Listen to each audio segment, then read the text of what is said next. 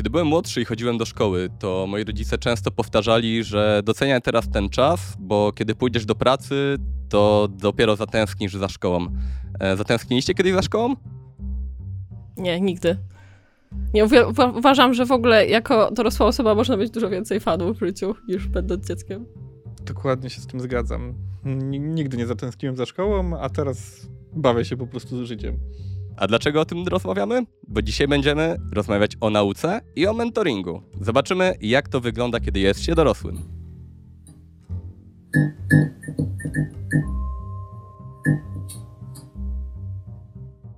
W sumie to ja się nie czuję dalej dorosła. Tak teraz sobie to uświadomiłam, że ja... Macie też tak, ja czasami nie dowierzam, że ja sama zarabiam pieniądze. Nie wiem, czy też tak macie, że czasami jak jadę na wakacje, to wiecie, czuję się, jak wydaję pieniądze, że ja dostałam jakieś kieszonkowe od rodziców tak naprawdę na kolonie. I jak to ktoś mi robi jakiś przelew, ja wystawiam jakąś fakturę. Nie, Ta- nie. Nie ma takiego e, poczucia, że mam wrażenie, że no, niby powinienem być odpowiedzialny i że to wszystko, co robię, to, to jest moja decyzja, ale z drugiej strony mam na to zupełnie wywalone i zachowuję się tak, jakbym miał, nie wiem, z 16 lat i Tak, mnie czasem dziwi, że takie zachowania, które w szkole byłyby piętnowane, to w pracy jak najbardziej przechodzą, bo już liczy się to, e, kim jesteś i co potrafisz, a nie to, czy jesteś grzeczny, czy nie i czy pyskujesz. E, no ale kto jest dzisiaj naszym gościem? E, naszym gościem dzisiaj jest Aga. Aga, przedstaw się, czym się zajmujesz? Y, Programuję w Ruby on Rails. Tylko? E, Teraz głównie tak. E, Wcześniej e, byłam mentorką. E, W ogóle zaczynałam od tego, tak naprawdę moją przygodę z programowaniem, że uczyłam programowania najpierw dzieci, potem trochę starsze dzieci, potem dorosłych, e, aż w końcu przyszedł czas mnie, żeby się samej nauczyć. No ale to myślę, że zaraz jeszcze o tym więcej porozmawiamy. No bo generalnie myślę, że uczenie innych jest najlepszą e, formą, żeby się samemu nauczyć. Na- najbardziej skuteczne. No to w takim razie opowiedz może, jak wyglądała ta twoja droga do miejsca, w którym jesteś. Em, Tylko y, jak bardzo, wiecie, do epoki ery kamienia Na łupanego... początku się urodziłaś i to wiemy. Możemy przejść dalej. Em, Znaczy tak, też nigdy nie myślałam o tym jakoś stricte, żeby, żeby zająć się programowaniem.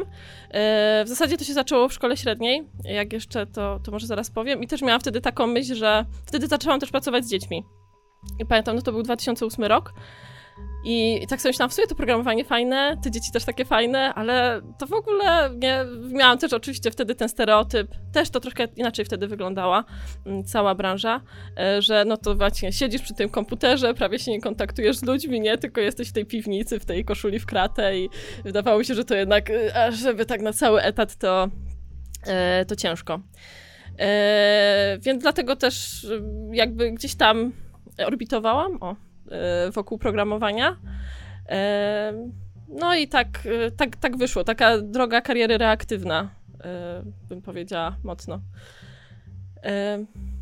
Aha, teraz jeszcze o coś mówić dalej. e, tak. Jakieś, daj, podrzućcie mi coś. Mo- możemy, możemy ci pomóc i w sumie mam pytanie, e, bo mówisz, że pracowałeś z różnymi grupami osób w różnym wieku. Z kim ci się pracowało najlepiej i dlaczego? Hmm. Wiesz co, y, każda grupa wiekowa ma swoją specyfikę, bo to jest inny moment rozwoju, y, inne rzeczy y, działają lepiej, inne może są trochę trudniejsze. Y, To znaczy, na przykład, jeżeli chodzi o dzieciaki, to jednak takie myślenie abstrakcyjne się wy, wyzwala gdzieś koło 12 roku życia, nie? Więc pewnych rzeczy, no po prostu siłą rzeczy nie da się z nimi zrobić, bo jeszcze, no jeszcze tam te płaty czołowe mózg się musi, musi ukształtować ale jednocześnie one są takie dużo bardziej nieskrępowane i mają jakieś takie dziwne wodze fantazji i jak wymyślały właśnie jakieś y, bardzo y, śmieszne, y, jakieś czasami naprawdę pokręcone pomysły na gry, y, to, to to też było ciekawe wyzwanie, że okej, to teraz jak w tym Scratchu, właśnie takim, taki no-code, y, jak, to, jak to zrobić, żeby to zadziałało. Także to było. y, W ogóle po dzieciach też dużo bardziej widać, czy, czy im się coś podoba, czy się nie podoba. Jednak dorośli mają więcej takich mechanizmów, y, trochę takiego maskowania, nie? No bo jednak już wyszliśmy z tego systemu szkolnego, nie? Trochę tam jesteśmy usacjaliz- usacjalizowani? Nie, to się nie tak mówi. Socjalizowani. dokładnie, nie? Żeby się zachowywać, a właśnie no to może być przeszkoda w procesie edukacyjnym. Mm, Z drugiej strony y, to jest właśnie moim zdaniem ciekawsze wyzwanie edukacyjne.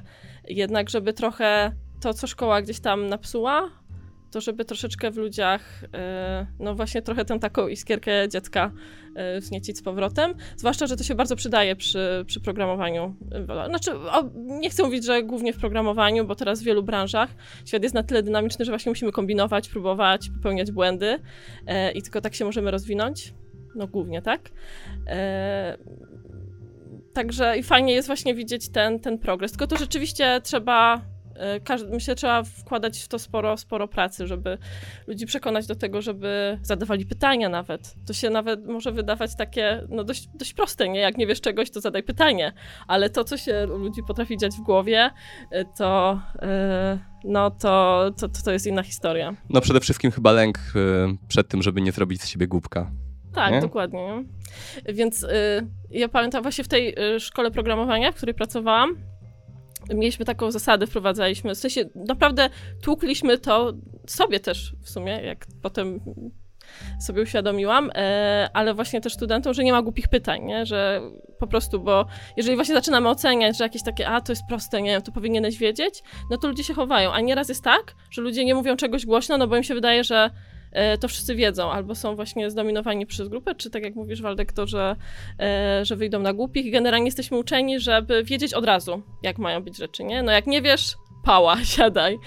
E, I po prostu już mamy, mamy to wiedzieć, mamy się nauczyć, a no jakby uczymy się przez doświadczenie tak naprawdę, to te błędy, właśnie te pytania, czasami może dziwne, jakieś nieszablonowe, no to też mogą spowodować, że znajdziemy coś nowego, nie? Jakąś, nie wiem, może niestandardową ścieżkę, czegoś się dowiemy, na pewno nam to lepiej zostanie w głowie, niż jak ktoś nam da gotowy, prawda, scenariusz, zrób tak, zrób tak, zrób tak i my po prostu zrobimy e, od linijki według podręcznika. Tak, y, tym bardziej w takich warunkach polskiej szkoły, czyli takiej tradycji szkoły pruskiej.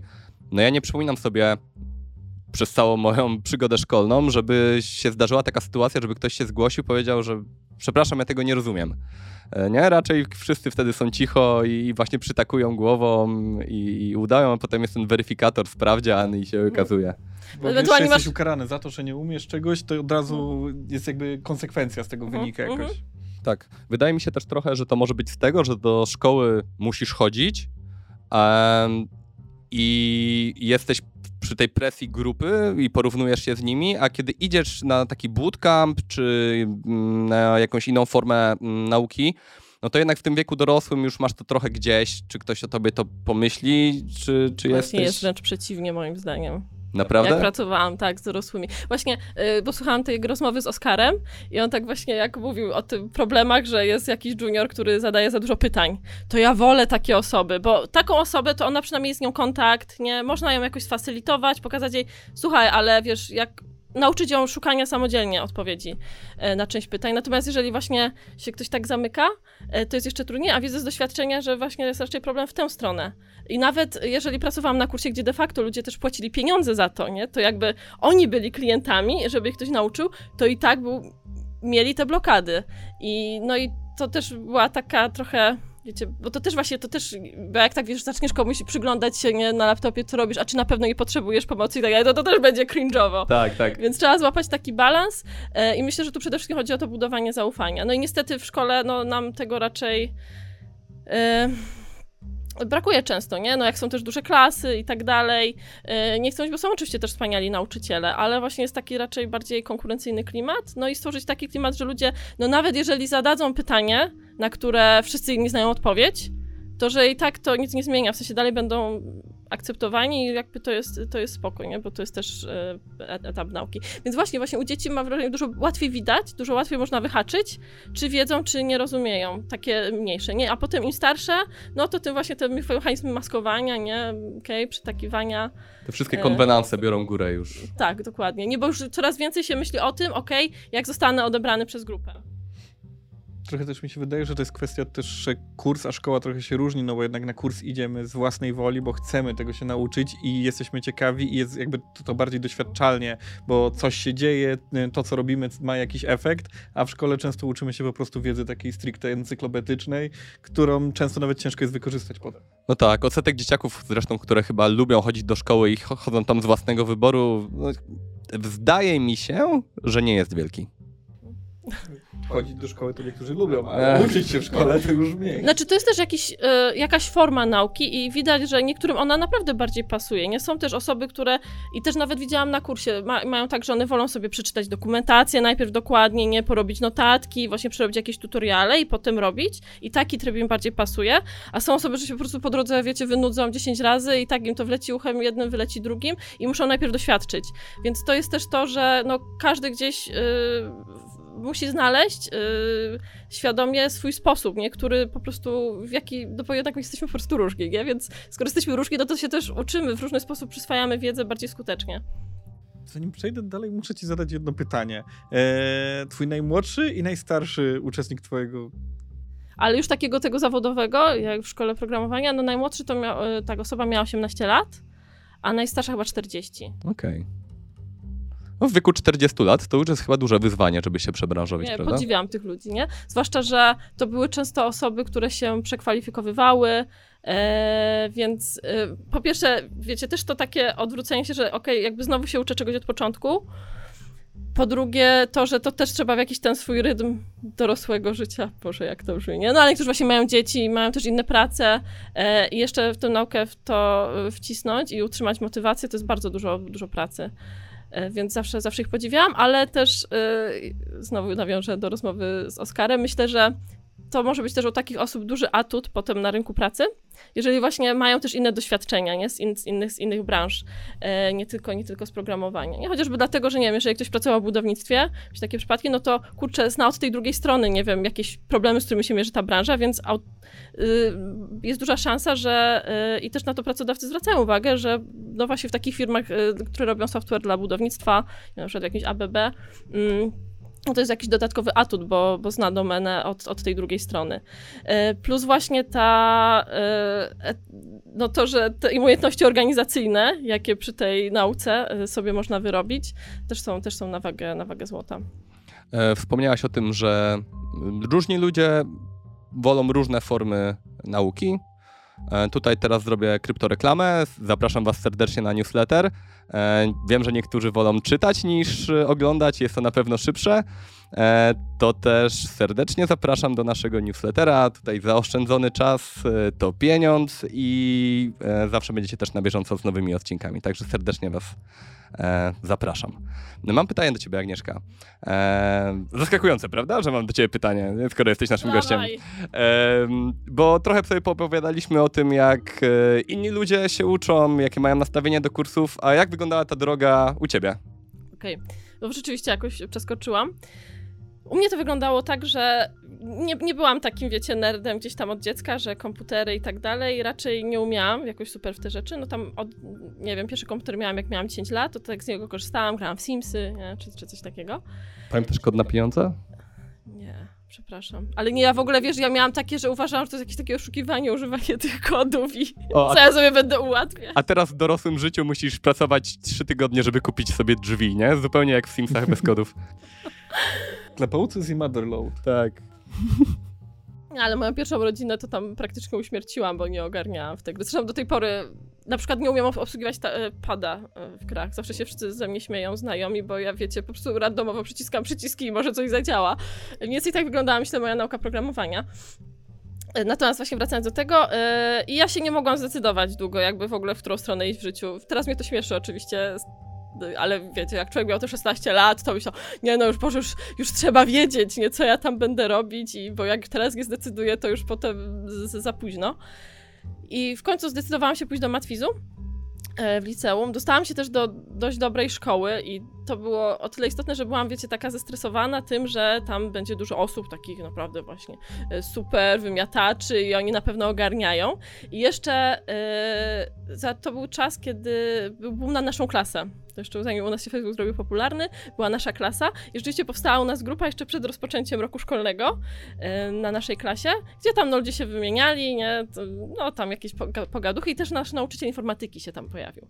No i ludzie zaczęli z nim rozmawiać, a co tam będziemy robić, jak tam będzie będziemy ten.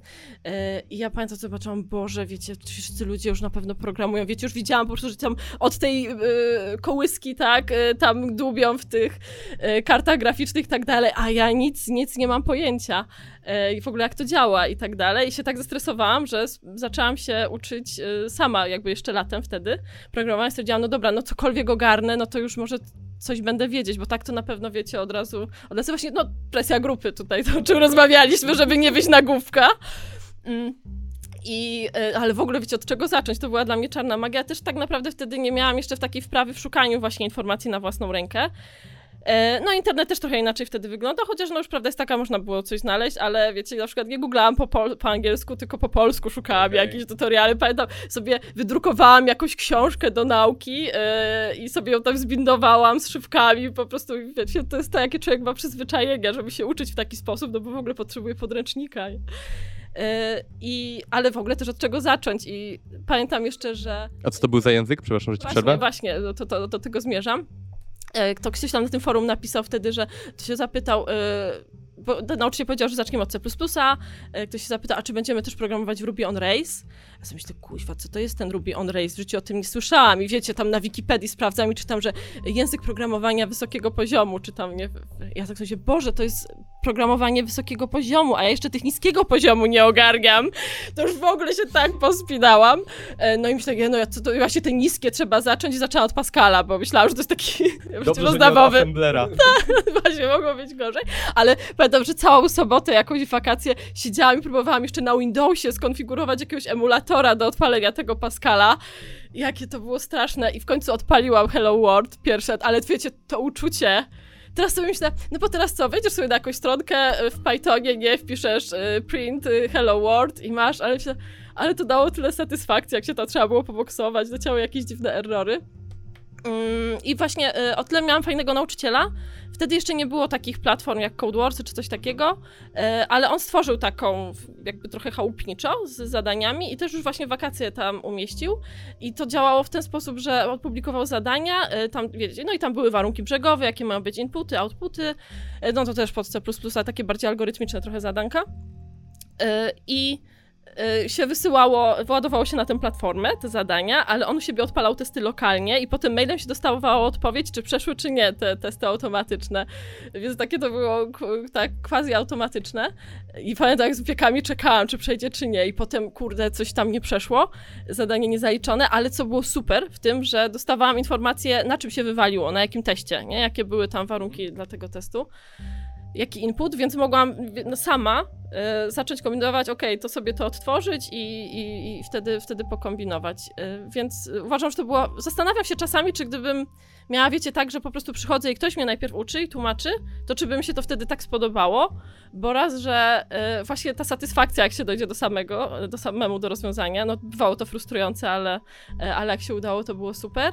Ale dwa też to właśnie, że nikt mnie nie oceniał, no bo co to było, wiecie, automatyczne, nikt tam nie patrzy, czy ja dobrze wykonałam, czy nie, czy kumam, czy nie. Mogłam po prostu siedzieć nawet i 20 godzin na tym Hello World i e, tylko ja musiałam o tym wiedzieć. E, A potem e, już w liceum to tak, wiecie, po pół roku trochę miałam taką właśnie zajawkę przez pół roku, że robiłam te zadanka, a potem jakoś ją tam straciłam, zajęłam się innymi rzeczami, no ale poszłam na studia inżynieryjne, zaczęłam e, pracować, zaczęłam prowadzić wtedy zajęcia z robotyki z dziećmi na tych Lego Mindstorms, super, Mhm. super zajawka, e, świetna sprawa. I potem jakoś zaczęłam uczyć programowania, właśnie w tym Scratchu, tam jeszcze też korzystaliśmy z takiej technologii, która już uczyła też programowania obiektowego na grach. Ona niestety raczej nie, jest rozwijana, więc to nie jest A jak to jakieś się nazywało? e, Alice. Ale uważam, że było się było w 3D, tylko wiecie, to było takie 3D jeszcze, nie wiem, jakby z początku lat 2000 wyciągnięte, to już wtedy było dość stare. Ale, ale to było, w zasadzie się pisało kod w Javie, się składało z takich bloczków i można go sobie było podejrzeć i takie, podst- no na grach fajnie widać te podstawy obiektowości, a jednocześnie takie na przykład Unity, no to jest bardziej skomplikowane, tam te setupy, tam było, to było dużo prostsze mm, i fajnie y, można sobie było zobrazować pewne mechanizmy. No jakoś jak tak zaczęłam uczyć dzieci, potem przygotowywałam nauczycieli, y, też w sensie, no takich często też studentów, czy właśnie jakichś nauczycieli, którzy prowadzili w tej firmie zajęcia z programowania i ich uczyłam jak uczyć, no i też tych podstaw programowania, mm, które były im potrzebne Y, i tak się złożyło, że y, prowadziłam jakieś warsztaty dla dorosłych, tylko takich, takich osób nietechnicznych bardziej, nie takich właśnie, które chcą spróbować nowych technologii y, na Raspberry Pi, tak, i w Pythonie tam coś dubaliśmy na tym Raspberry Pi. Mm, To było chyba w krakowskim, tak, w krakowskim Parku Technologicznym. I przepraszam, że ja tak z tymi szczegółami mówię, ale to jest, Dawaj, wiecie, dawaj. taki, jak, jak w, w minutę się może zmienić trochę twoje życie zawodowe a, i się czasami, mnie, mnie do tej pory zastanawia, jak do tego doszło, bo to taki zbieg okoliczności. E, Tam był po prostu mój znajomy z y, wolontariatu, w którym wtedy y, brałam udział. No i tak coś tam zaczęliśmy gadać, on pracował właśnie w tej szkole programowania dla dorosłych, pogadaliśmy chwilę i on, y, no ja powiedziałam, co tam robię, ten, ten. I potem jak prowadziłam te warsztaty, to akurat jak robiłam jakąś prezentację o tym, jak tam ten prąd, jak natężenie działa, napięcie, i miałam jakieś takie, wiecie, oni mnie tam obserwowali, e, tam ci właśnie koledzy z tej firmy, a ja miałam akurat taki flow. Po prostu wpadłam w flow, że mi to po prostu, wiecie, grupa słucha, wszystko cudownie. Oczywiście jak przestali patrzeć, to tam beznadziejne były moje zdaje te warsztaty, bo tam oczywiście teraz Berry się coś posypało, na jednym się kompilowało, na innym się nie kompilowało. Tak, i te warsztaty to była taka raczej jednorazowa akcja na zasadzie, że ktoś do nas napisał, my się jeszcze zastanawialiśmy, ja tam wtedy byłam menadżerką i myślałam, nie, dobra, bierzemy, nie, wszystko. I y, akurat na tych warsztatach y, był tam też mój kolega, y, to znaczy on był prowadzącym inne warsztaty, bo to my byliśmy na takim open space i w taki, na takich, przy takich wyspach pracowaliśmy. Ja tego kolegę znam, on właśnie był programistą, e, jest dalej, pozdrawiam. E, I, mm, I on pracował w takiej właśnie szkole programowania e, dla dorosłych. Ja nie wiem, czy ja mogę powiedzieć nazwę. Możesz, myślę, że możesz. W Code Coolu. E, więc tak, szkoła Code Cool. Właśnie oni zaczynali i to też była dla nich taka forma promocji, te warsztaty. I właśnie tak zaczęliśmy gadać, on się zapytał, co ja tam robię, bla, bla, bla. I tak się złożyło, że tam był też jeszcze inny mentor z tamtej szkoły, jeszcze był menadżer, e, country manager e, ówczesny e, i jak zaczęłam prowadzić te warsztaty, wiecie, bardzo dobrze mi się je prowadziło na początku. Jak zaczęłam ludziom mówić o prądzie, tym natężeniu, napięciu, y, co i jak, po prostu wpadłam w takie flow. Czasami się to tak, wiecie, fajnie zdarza, jak się uczy, czy robi się prezentację, że to tak po prostu śmiga, nie? I ludzie, wiecie, słuchają po prostu jak zahipnotyzowani. No i to był taki jeden krótki moment, kiedy akurat właśnie oni mnie obserwowali. Ja pamiętam do dnia dzisiejszego, jak oni tam zaczęli kiwać tak głowami, nie? Że po prostu chyba im się spodobało to, jak to prowadzę. E, oczywiście jak już nie patrzyli, to tam się dużo rzeczy posypało, bo na tym Raspberry Pi to na jednym coś zadziałało, na innym się coś nie chciało kompilować, jakieś errory. Ja wtedy nie miałam tak naprawdę dużo doświadczenia z Raspberry Pi, e, więc źle wspominam te warsztaty i one nie były jakieś super, no ale wiecie, 5 minut akurat, e, akurat się poskładało. Oni się do mnie odezwali, właśnie o jakiejś tam współpracy potencjalnej. E, Ja myślałam, wiecie, no nie, nie, nie byłam stricte programistką, nie? Tak bardziej, no trochę, trochę na studiach, trochę znałam programowania, trochę właśnie uczyłam dzieciaki, ale to takie nie było, że wiecie, jestem deweloperem, który ma doświadczenie stricte w branży. No ale się spotkaliśmy i, i właśnie pamiętam do dnia dzisiejszego, jak się mnie zapytał, bo ja tak, wiecie, poczułam, ale wiecie, no ja nie pracuję, bo może powiedzieć tam, do, doszło do jakiegoś nieporozumienia, no, że oni myślą, że ja jestem, wiecie, programistą, e, a to nie do końca tak działa e, i im tłumaczę, a oni mówią, no ale umiesz programować. W ogóle to jest bardzo filozoficzne py- pytanie, co To to, prawda. znaczy umieć programować, czy jak umiesz odpalić Hello World, to znaczy już, że umiesz programować, E, czy nie wiem, dopiero jak e, własny język programowania potrafisz stworzyć. Że nie, no, no, umiem, nie, jakby. I yy, to też, y, oni, to też wtedy były takie początki, tam były, y, ten kurs programowania był dla osób od zera. Więc ja się mogłam skupić na, na tym właśnie, żeby te, te podstawy wytłumaczyć. E, też ponieważ miałam trochę takiego właśnie doświadczenia z edukacji, z, e, trochę też właśnie zarządzania w, w edukacji, y, tworzenia zespołów, no to tak trochę takiego PM-a w tym zespole mentorskim pełniłam. I my się też tak uzupełnialiśmy kompetencjami, czyli no, no chłopaki byli bardziej deweloperami, taki mieli, zazwyczaj to tak wyglądało, że to byli mentorzy tacy, tacy midzi seniorzy, e, którzy kilka lat w branży pracowali, no ale jednak chcieli trochę więcej pracować z ludźmi i porobić coś innego. I się w tym realizowali, się tak trochę wymienialiśmy kompetencjami, nie? Więc no, nie, nie, nie, dałoby się zrobić tak, żebym od zera zrobiła ten kurs, ale w zespole to szło, chociaż był też taki moment, że wiecie, zaczęłam widzieć, że zaczęliśmy wchodzić coraz trudniejsze tematy, ja tam pewnych rzeczy nie wiedziałam i no i też wiecie, wychodzi taka po prostu nagle 24 lata wtedy miałam i co ona ma być mentorką, co ona, co ona nas tutaj będzie uczyć. I, I wiecie, myślę sobie, nie kurczę, miałam też takie poczucie, że oszukuję trochę ludzi. No bo Właśnie jednak, chciałem się spytać, czy to nie jest w jakiś sposób powiązane z syndromem oszusta. No nie, no straszny mnie, mnie złapał, no ale wiecie, patrzyłam, nie syndrom szósta, syndrom szósta, no ale jakby mam podstawy, ja nigdy nie pracowałam e, jako deweloper, wielu rzeczy nie wiem e, cały czas i pamiętam po kilku, zaczęłam myśleć, że to trochę nie ma sensu, nie dla jednej i dla drugiej strony. E, I pamiętam, wtedy poszłam do menadżera i tak zaczęłam mówić, że nie no, że chyba e, że chyba lepiej po prostu jak ja znajdę gdzieś po prostu pracę najpierw jako programista, może potem, może na część etatu, no że mi brakuje też tego komercyjnego doświadczenia. E, A on, wtedy, on był taki super człowiekiem, taki z takim złotoustym, nie? Że teraz to, co powiem, ja wiem, że on tego nie powiedział, żeby mnie, mi dopiec, ale zabrzmiało to bardzo śmiesznie, bo tak się mnie popatrzył, a co myślisz, że znajdziesz gdzieś pracę jako junior? Wiecie, Ja takie, okej, czyli nie znajdę pracy jako junior nigdzie, ale y, mogę uczyć ludzi programowania. No super, zajebiście. I pamiętam, wyszła taka trochę taka skonfundowana w zasadzie, co się stało i wtedy pomyślałam, no dobra, no jakby jestem szczera, jestem transparentna z tym, co wiem, czego nie wiem, a nie, że tam, wiecie, udaję, że wiem więcej niż, niż tak naprawdę i że więcej potrafię.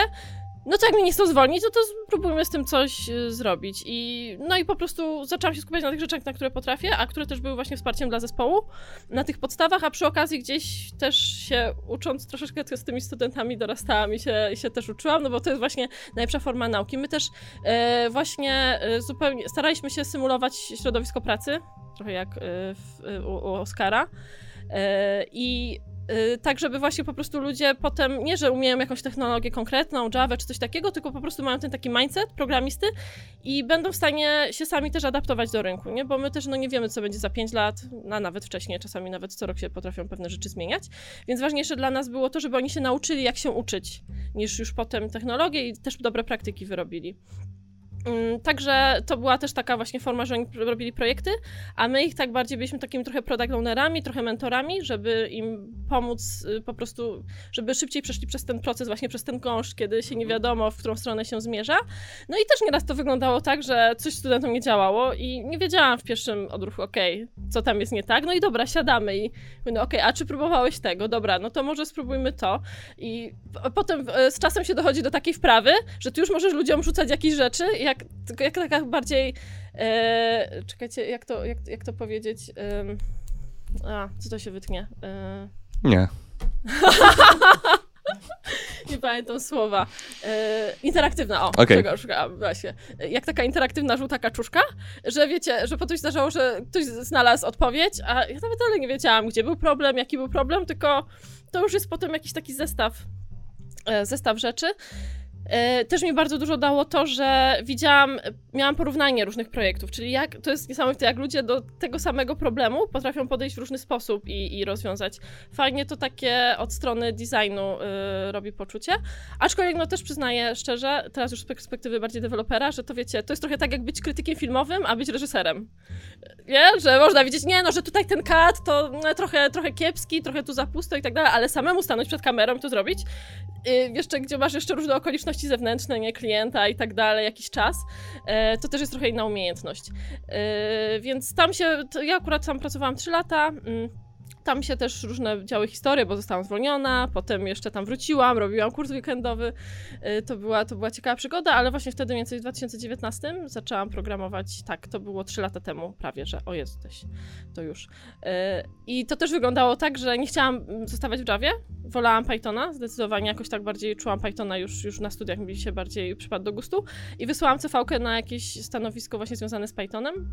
A w trakcie rekrutacji się okazało, że nie pracują tak naprawdę w Pythonie, tylko w Race'ach. No, Okej. się... Powiedziałam, wiecie, ja jestem agnostyczna, nie? No bo przecież ważne jest że ja, my się wszystkiego się nauczymy. E, I oni też mnie z takim nastawieniem zatrudnili, chociaż to było ciekawe, bo e, robiłam właśnie taki internalowy projekt. E, miałam jeszcze drugą dziewczynę juniorkę. Ja byłam jako taki mid-mentor, tylko nie znałam rejsów. Ona była juniorem, więc no, ten pierwszy projekt, na szczęście był mały, więc nie mam tam już sumienia, że się rozrośnie, ale wiecie, no jeszcze tak wtedy się uczyłam tych, y, tych rejsów.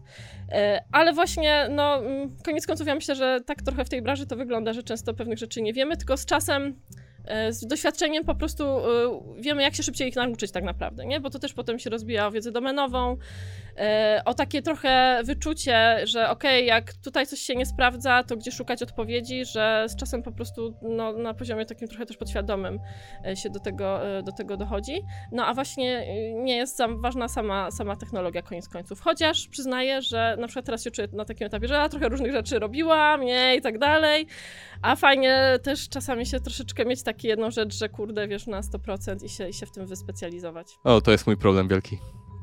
Yy, Mówiłeś, że tam w grupie, jak robiliście te kursy, to y, różne osoby miały różne kompetencje i się wymienialiście. Czy są jakieś takie cechy mentora, które są bardzo ważne przy mm, takich szkoleniach? I jakie cechy powinien w ogóle mieć mentor? No właśnie, myślę, że przede wszystkim nie być dupkiem, e, no a reszty można się nauczyć. I to też jest trochę kwestia tego, żeby znaleźć swój styl mentoringu.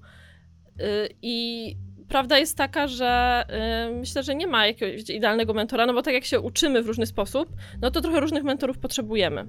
I oczywiście mm, można sobie też wyrabiać jakieś różne kompetencje takie pracy z ludźmi komunikacyjne, tak żeby no, do trochę szerszego, wiecie, trochę się łatwiej dostosowywać do, do menti, e, tak, do mentisa. Natomiast y, myślę, że najważniejsze jest to, żeby sobie uświadomić, kto jest tutaj najważniejszy. Że też trochę wynieśliśmy taki obraz, myślę, no właśnie ze szkoły, ze studiów, no że jest ten, wiecie, profesor, ekskatedra, niemądry człowiek, który nauczy nas, jak żyć. I to myślę, to nie było takie złe do pewnego momentu, bo kiedyś rzeczywiście, no jakby to było główne źródło w ogóle wiedzy. Nie? No nie było internetu, nie można sobie było znaleźć informacji tak łatwo, więc no to właśnie takie doświadczenie, że ktoś już przez coś przeszedł, było, było kluczowe. Teraz to też się na tyle dynamicznie, po pierwsze ten dostęp do informacji jest dużo łatwiejszy, to się też na tyle dynamicznie zmienia, że to coś, co jeszcze było paradygmatem, nie, nawet 5 lat temu, to już teraz można sobie zamknąć głęboko w szafie.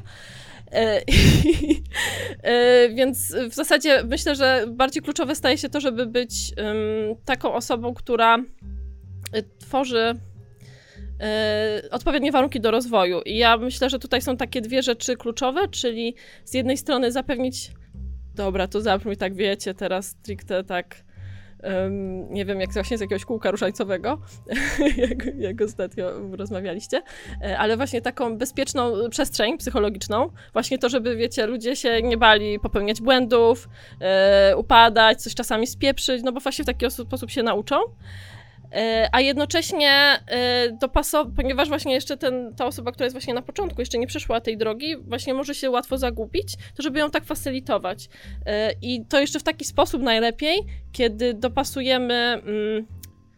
Teraz by się przydała taka plansza, albo gdzieś tutaj w rogu. E, Wstawimy, wstawimy. Wstawimy.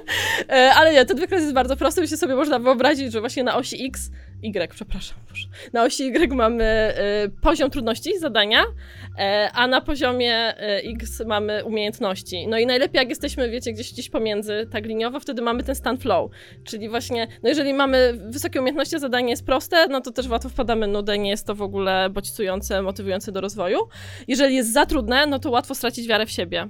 Yy, więc właśnie myślę, że to też jest taka rola mentora, żeby tak nakierować, żeby wiedzieć, yy, zrozumieć, jakie mentis ma zasoby, umiejętności. To też nawet czasami nie jest kwestia umiejętności, tylko nawet okoliczności czasami życiowych i różnych yy, wi- wielu czynników, Yy, ale jaką ma ten pojemność na ten moment jest w stanie, co będzie dla niego odpowiednie, tak żeby właśnie był w tym stanie flow i się, i się rozwi- rozwijał tak harmonijnie. O, bardzo mądrze radzisz sobie z taką sytuacją, no bo mówisz tutaj po środku, żeby to było, ale w sytuacji, kiedy na przykład jeden, masz dużą grupę i jedni pracują dużo wolniej, wolniej przyswajają wiedzę, a inni są znacznie szybciej i mogą się szybciej dużo znu- znudzić takim kursem.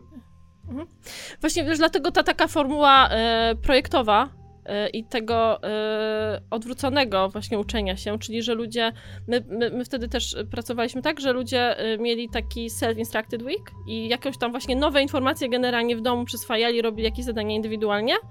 No właśnie nie było tego ekskatedra, bo już wiecie, w internecie jest tyle świetnych materiałów, zwłaszcza jeżeli chodzi o te podstawy, że naprawdę, no robiąc nawet najlepszy wykład i prezentację, można nie osiągnąć tego poziomu i to po prostu nie ma sensu, czasowo też. E, więc już, już są te rzeczy, tylko właśnie może kwestia tego, żeby nakierować, e, a potem właśnie mogą je ćwiczyć e, w- projektowo i taka, takie podejście też e, wtedy pozwala się łatwiej dostosować, no bo ludzie rzeczywiście sami pracują, więc wiecie, akurat mm, no jednak w środowisku fizycznym, w środowisku fizycznym, ja chyba ja czegoś takiego, e, ale e, może, e, czyli nie wirtualnym, tylko Kiedy spotykasz się lokalnie, fizycznie z ludźmi, tak. kiedy tak. widzisz ich na żywo, e, no to, to jest to jest ta przewaga, że można, wiecie, tak sobie przejść, pokrążyć, zobaczyć, co robią, dopytać, co robią, no i wtedy właśnie e, ich tam troszeczkę właśnie tak sfacylitować, nakierować i można to tak zrobić indywidualnie, nie? Wiadomo, że jakby zawsze to też im więcej osób, tym jest po prostu trudniej, bo jest ich więcej. E, ale no takiej grupie, nie wiem, 10, 12, 15 osób, jeden mentor myślę jest taki już no też doświadczony, no to jest w stanie, to wiecie, po prostu wyczuć. Mm, właśnie się też tego nauczyć. E, a właśnie, no i to jest właśnie coś innego niż w momencie, kiedy wiecie, no otwieramy teraz zeszyty, nie, i wszyscy razem robimy jedno zadanie. No wtedy się nie da tak indywidualnie prosić uwagi, no bo wtedy tylko i wyłącznie się skupiamy na tym, żeby dowieść świetną prezentację, czy tam świetnie wytłumaczyć, a i tak, część zrozumie, dla części to będzie za szybko, dla kogoś za wolno i się nigdy nie trafi, nie? A jeżeli obecnie to można nagrać i wrzucić na YouTube i każdy sobie, wiecie, może potem odtworzyć w prędkości, jaka mu odpowiada i powtórzyć coś, to, to się troszkę mija z celem. A właśnie ważniejsze jest yy, takie, yy, właśnie myślę, to, to, to nakierowywanie i takie indywidualne podejście, żeby po prostu zmaksymalizować te efekty, żeby ludzie się mogli yy, szybciej, szybciej uczyć. Yy, online yy, to też się da robić. Myślę, że się tego uczymy tak naprawdę. Nie? Dla mnie, jak yy, akurat robiliśmy ten kurs weekendowy, mm, to, y, czyli ja już pracowałam jako programistka, jeszcze robiliśmy ten kurs i wtedy wybuchła pandemia i wiecie, mieliśmy to przygotowane no, pod jednak takie spotkania na żywo, częściowo, bo to była taka formuła hybrydowa, ale jakby te, te warsztaty weekendowe, gdzie się spotykam, były ważnym aspektem tego. No a teraz nagle się przenieść trzeba było do online'u, nie? I to był też taki moment, że wiecie, to jest inne medium po prostu. Ma swoje plusy, ma pewne minusy i teraz trzeba się tego trochę nauczyć od początku, no bo to już właśnie to są znowu te mechanizmy krywania, że ludzie często nie przyjdą z, z tym, jak y, mają problem, zwłaszcza jeżeli jeszcze nie ma tej relacji. Im, więc no jeżeli już jest ta relacja, to jest to łatwiejsze zdalnie, e, ale na początku to jest, jest trudniejsze, nie? Żeby właśnie zbudować to, to zaufanie, e, a też właśnie nie widać tych ludzi. I mało tego, to też jeszcze jest tak, że to zaufanie to nie jest, wiecie, tylko tak, że wystarczy ludzi tam klepać po ramieniu i tylko to też zależy od osoby. Ludzie, niektórzy mają, no, mamy różne style komunikacji, więc ktoś potrzebuje bardziej właśnie, wiecie, tak tak na ostro ten feedback, nie? Że co tutaj, co tutaj i, i, właśnie tego potrzebuje, a do kogoś trzeba tak trochę łagodniej, nie? I na jakichś innych aspektach się skupić. No a do tego trzeba poznać y, osobę tak naprawdę. E, to prawda, z własnego doświadczenia wiem, że te kursy online'owe to rządzą się mocno swoimi prawami, często gęsto wyłączone kamerki, e, braki absolutnej integracji, jakiejś interakcji z kursantami, y, no, no jest to ciężkie. E, trochę sobie porozmawialiśmy o... A, czekaj, a ile masz osób w grupie? No, gdzieś tam około 15 zazwyczaj też. I jesteś sam, czy masz Tak, jakieś... jestem sam, jestem sam. I w ogóle jak właśnie czujesz? Bo mnie to w ogóle uważam ta wymiana doświadczeń między okay. edukatorami teraz okay. pandemii jest Szumnie nazwanymi. cenna. No czemu? No jakby wiesz, zajmujesz się e, edukacją. No ja nie lubię. Ja staram się unikać tych kursów e, online'owych e, z racji tego, że tak jak mówiłaś, że są różni mentorzy i różne mają style, no to ja zdecydowanie jestem ten kolega i ja potrzebuję tego, żeby pogadać, e, pożartować, żeby właśnie gdzieś przełamać te, te pierwsze lody. Ale trochę powracając e, do tego, o czym mówiłaś, skupiliśmy się i porozmawialiśmy trochę na tych takich technicznych aspektach mentoringu, czyli uczymy ludzi programowania yy, i tak dalej. Czy masz jakieś doświadczenia z tym miękkim aspektem mentoringu, właśnie z tworzeniem safe, safe space'ów, z tym, jak ludzi zmotywować albo jak do nich dotrzeć? E, wiesz co, tak właśnie myślę, że z tego względu ja tam w tym Code zaczęłam pracę i dlatego zostałam przyjęta, bo, yy, bo z tym miałam doświadczenie. I, i yy, no i też nie wiem, jak teraz to wygląda, no ale wtedy to dla Codecoola też był taki wyróżnik i my też mocno podkreślaliśmy od początku, że my nie uczymy tylko kompetencji technicznych, tylko te soft skills są równie ważne, bo potem właśnie i ta rozmowa z klientem, to budowanie zespołu, w ogóle to, że ludzie pracują w tych zespołach projektowych, to jest super. My czasami robiliśmy też takie, no bo wiecie, naj, najłatwiej się ludziom pracuje, jak się właśnie uzupełniają kompetencjami e, i e, też charakterami. A znowu zgasło światło. Dobra. Nikt nie zauważył. Y, jak się, y, ale y, właśnie ciekawie jest obserwować, jak się dobierze ludzi właśnie podobnych, no i my to robiliśmy właśnie nie po to, żeby oni byli jak najbardziej efektywni, no bo wiadomo było, że nie będą, tylko żeby właśnie, wiecie, musieli sobie trochę też poćwiczyć tych innych cech, które może nie przychodzą im tak, im tak łatwo. Czy właśnie osobom, które są, wiecie, takie bardziej liderskie, no to czasem jednak, żeby się też nauczyły wziąć ten krok, krok wstecz i stworzyć przestrzeń dla innych, no bo jak właśnie mamy samych liderów. E, te osoby, które właśnie może gdzieś tam siedzą tak bardziej właśnie cicho, nie, i się wolą schować, to żeby właśnie, no, no bo też jak się wszyscy tak siedzą cicho, no to w końcu ktoś pęknie, nie, i, i, się, i się zacznie, zacznie rozmowa. E, podejmowanie decyzji. E, także to z jednej strony, no a dwa, że też robiliśmy takie warsztaty feedbackowe, e, właśnie też tego, jak się uczyć skutecznie i samemu sobie tę naukę organizować. Okay, no, no to jak się uczyć skutecznie? Jak się uczyć skutecznie? To zależy. Najlepsze pytanie, najlepsza odpowiedź. Mm, właśnie myślę, że no, no to jest no chciałabym wierzyć, no ale wiem, że to się w szkole raczej nie zmienia.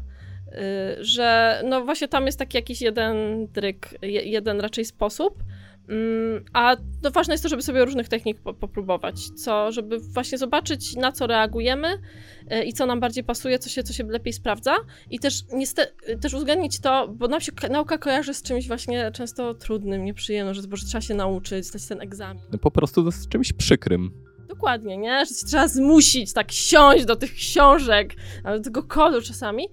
E, I okej, okay, e, nie da się też pewnie tak, że zawsze, prawda, na wszystko będziemy reagować entuzjastycznie, ale warto, no, słuchać siebie, obserwować, bo generalnie jakby nasz mózg ewolucyjnie jesteśmy przystosowani do tego, żeby się uczyć. I nauka nam sprawia przyjemność generalnie z założenia, właśnie wydziela nam się dopamina, e, właśnie to nas pobudza, sprawia nam frajdę, jeżeli właśnie jest, są odpowiednie czynniki spełnione czyli właśnie ten stan flow utrzymany, ale też, żeby to osiągnąć, to są ważne, no nie wiem, takie rzeczy, które w ogóle są ważne w produktywności, czyli żeby odpocząć odpowiednio, nie? Jeżeli ktoś nie dosypia, jest zmęczony, no to nie ma bata, żeby się mógł skupić, no bo przede wszystkim po prostu musi odpocząć, więc yy, wiecie, no właśnie aktywność fizyczna, nawet yy, to, to, to są myślę taki podstawa dla wszystkich, a potem już, czy ktoś właśnie bardziej woli kombinować, czy yy, w sensie, że najpierw musi popróbować, yy, czy teoretycznie, czy właśnie chociażby, tak jak mówiłeś, czy tam jaka tam forma newslettera, newsletter, czy ktoś woli czytać, czy ktoś woli oglądać. Yy. Ja też zachęcam do tego zawsze, żeby starać się nie wyznaczać sobie celów na zasadzie, że nauczę się tego i tego, bo kurczę, przecież nawet my jak robimy projekty i teoretycznie robimy rzeczy, które wiemy jak działają już w pracy, to i tak ciężko nam wyestymować, ile nam to czasu zajmie. E, więc y, no można się wtedy łatwo zniechęcić, nie no, że kurde, 5 godzin na tym siedzę i dalej tego nie, nie widzę, już myślałam, że to będę sobie po prostu raczej po, e, przeznaczać czas, e, cza, cza, czas na naukę. I to, e, a jeżeli właśnie, no i teraz znowu, jeżeli chcemy iść w programowanie, no to myślę, że ta praktyka tutaj jest wręcz niezbędna. No i to e, kombinowanie. Wspominałaś o Oskarze. Oskar, pozdrawiamy cię. E, ten odcinek jest. Przepraszam, tak. bo wczoraj słuchałam, właśnie, żeby się przygotować, bo wiedziałam, że też będzie trochę. Bardzo dobrze, o, bardzo dobrze. Ten odcinek jest dostępny, serdecznie Was wszystkich zapraszamy. Ale wspominaliśmy mm, e, właśnie o Oskarze i Oskar tam użył tych symulowanych warunków mhm. E, zatrudnienia. Czy podczas tych symulowanych warunków zatrudnienia mm, też dochodzą właśnie jakieś takie sytuacje stresowe, mm, czyli staracie się właśnie jakoś rozwiązywać te problemy, czy też pomagacie w tym kursantom, czy zostawiacie kursantów samych, tak żeby to oni musieli e, dojść do rozwiązania? Nie no, po to się jest mentorem, nie? Ja myślę, że nawet w pracy to dobrze jakby w zespole sobie, sobie pomagać. Takie symulowane warunki mają... Yy znaczy tak, mają ten minus, że zawsze będą trochę symulowane, nie? Więc nie da się pewnych rzeczy w 100% odzwierciedlić. Mm, siłą rzeczy, dlatego też ja chciałam jednak w końcu zostać deweloperem, no bo właśnie tak na sucho to trochę co innego. Ale yy, mają tę zaletę za to, że yy, jest, no, no, że właśnie naszym celem jest przede wszystkim edukacja, nie? Czyli nawet jeżeli projekt failuje, no to nie jest najważniejsze, ważne jest to, co z tego wyniesiemy. Mm, jeżeli się nie uda dowieść, właśnie jeżeli się coś podzieje, więc jest więcej przestrzeni na to. Ja też może mówię o tym, bo widzę jak w, w pracy na co dzień, jeżeli właśnie są osoby, y, jakieś juniorzy czy coś takiego, to nieraz właśnie ciężko jest nawet, nie, jeżeli wiecie, tutaj klient się o coś spina, nie, tutaj jest jakiś pożar, trzeba gasić, no to wygospodarować tę przestrzeń właśnie e, na to, żeby na tę naukę, wyciąganie wniosków. E, jest to większe wyzwanie, a tam się można rzeczywiście nad tym, e, nad tym skupić. Plus rzeczywiście to, jeżeli się ludzie przychodzą z tym nastawieniem, że oni w ogóle przyszli po to, żeby się uczyć, no to jednak mają tam trochę, no, jakiś tam dodatkową tę motywację, żeby, żeby nie uciekać przed tym problemem, nie, nie zakopywać go, tylko rzeczywiście, żeby się nauczyć. A jak się już ich uda przekonać do tego, że jak się pomylą, to to jest jak najbardziej tak ma być, Okay. E, to jest element całego scenariusza uczenia się. E, to już, to już w ogóle wychodzi, wychodzi fajnie. No bo koniec końców jest istotne to, jakie mamy no, z tą wędką, nie? jakie mamy kompetencje potem, które możemy e, wykorzystać, wykorzystać w przyszłości. Więc no, też my też trochę czasami, bo wiecie, to jak ludzie robią taki projekt, to, to przecież, kurczę, nawet w pracy, nie? To też potrafi zgrzytać zawsze, jak się różne charaktery zbiorą. Tak, żeby się właśnie mogli, mogli dogadać i coś z tego, z tego wyciągnąć. I też istotne było to, że jednak no, chodziło o to, żeby każdy się nauczył, nie? a nie, że na przykład okej, okay, właśnie ktoś, ktoś już ma jakieś doświadczenie, bo na przykład były osoby, które już trochę programowały, e, a ktoś w ogóle przychodził z zerowym, no to nie, że prawda, ten za niego wszystko zrobi, a ten okej, okay, tylko tam będzie, pomacha, ale tak naprawdę niewiele zrobił i się nie nauczył, tylko żeby ich uczulić na to, żeby odpowiadać też za swój wzajemny rozwój. Ja myślę, że to było, to mi się strasznie podobało w tym, że i też trochę tak z tego wyszłam, trochę, że w sumie najfajniejsze w, w pracy, znaczy jeden z najfajniejszych aspektów tej pracy w, w IT jest właśnie to, że można e, trochę pomagać innym, nie? W, w rozwoju swo, swoich kompetencji. No e, i... O, no, i no. Dobra, przepraszam. Musiałam rozluźnić szczękę. w slow motion będzie z zoomem. E... Agniesz, Agnieszka, to ja może ja mam pytanie w takim razie. To zadam je teraz, to sobie zrobimy cięcie. E, Agnieszka, wspominałaś, e, że podczas tych symulowanych warunków zatrudnienia e, kursanci pracują w grupach i oni często są zupełnie różni charakterologicznie, mają różne cechy. Czy zdarzyła Ci się taka sytuacja, że wyglądało to jak praca w grupach w szkole? Czyli często tam była sytuacja, że pięciu pracuje i masz tego jednego takiego Waldka, który no głównie tam świeci twarzą i jest po prostu przedmiotem w tej grupie i jakby zbiera śmietankę z pracy innych. Czy zdarzały się takie sytuacje, a jeżeli tak, to jak przeciwdziałaliście? Wiesz, to raczej rzadziej. Też my robiliśmy takie tak zwane checkpointy, nie? Czyli tam co dwa miesiące była taka jakby, też próbowaliśmy, staraliśmy się zrobić z tego taką rozmowę rekrutacyjną jak do pracy, nie? Że jest jakieś zadanie techniczne, właśnie jakaś rozmowa jak z rekruterem, e, tak żeby właśnie to zweryfikować.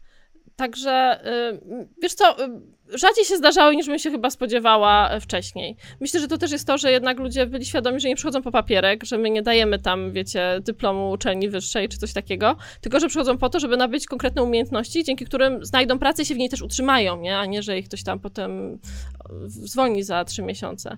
Także to się y, działało sporadycznie. Może się zdarzało, ale właśnie myślę, że to prędzej właśnie były to czasami te charakteriologiczne rzeczy, żeby to tam odpowiednio y, sfacylitować. Y, no i no na to właśnie, no myślę, że to jest taka rola właśnie wtedy mentora, nauczyciela, żeby, żeby wyłapywać takie sytuacje. Mm, właśnie jak się jest w grupie mentorów, kiedy wiesz, na przykład, nawet jak mieliśmy te, no nie wiem, 30 studentów na sali, okej, okay, no i też tam, nie będę już może wchodziła w, w organizacyjne rzeczy, ale powiedzmy, mieliśmy mniej więcej 15, 15 osób na jednego mentora. No i to też dorosłych. To jest zupełnie co innego niż jak na przykład nauczyciel ma w klasie 30, 30 y, uczniów, nie? Czy tam nawet 38 chyba pamiętam u mnie było w liceum. Kurde.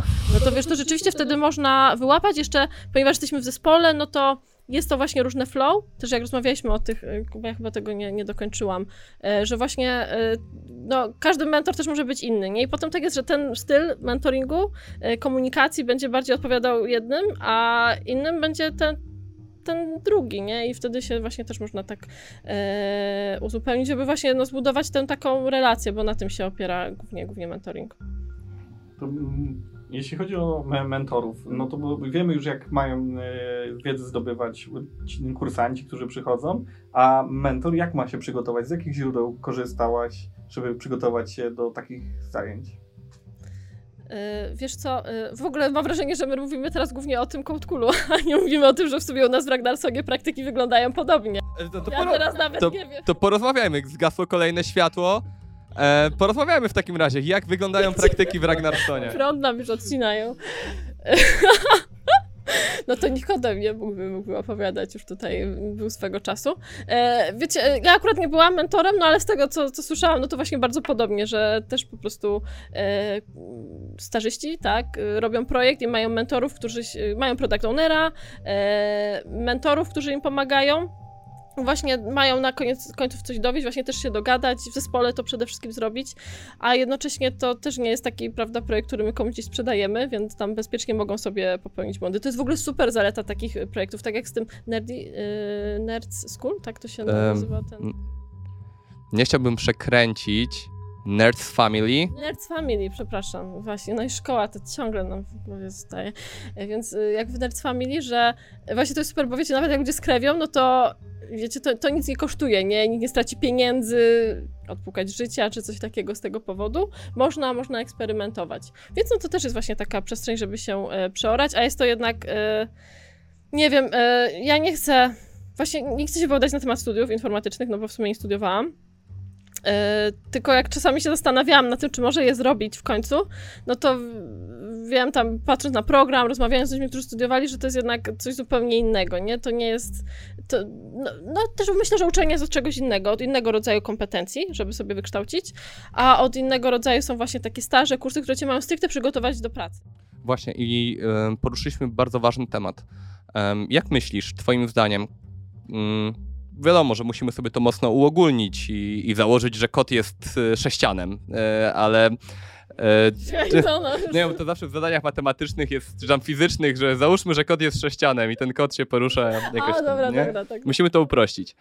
E, I kto według ciebie jest lepiej przygotowany do pracy jako deweloper? Osoba, która jest zaraz po studiach, czyli nabrała tę wiedzę dlaczego coś się dzieje, tak a nie inaczej, czy taka osoba po bootcampie, która ma stricte praktyczne doświadczenia? No nie, myślę, że to wiesz, to też zależy od osoby, tak naprawdę. Myślę, że też coraz większe znaczenie, no ponieważ też te technologie, z których korzystamy, się upraszczają. Więc jest coraz taki próg wyjścia, no jednak bardziej przyjazny. Jakby to jest też fajne, że jakby robimy rzeczy po to, żeby sobie też upraszczać i żeby ten developer experience był też coraz lepszy. Więc wiecie, już tam nie właśnie w Pascalu, jak właśnie to ustawienie pewnych rzeczy było, było trudne. Też oczywiście zależy, co się programuje. E, więc no przecież IT to jest i w ogóle programowanie to jest tak szeroki już teraz wór, mm, że musielibyśmy, myślę, bardziej precyzyjnie wyznaczyć. Y, ja myśl, myślę, że to też koniec końców y, bardziej zależy już od osoby, co tak naprawdę wynosi, nie? Może... I właśnie jakie ma nastawienie do, do nauki. No bo na studiach też pewnie można dużo wynieść, robić też może jakieś dodatkowe rzeczy. Y, I tyle, nie? A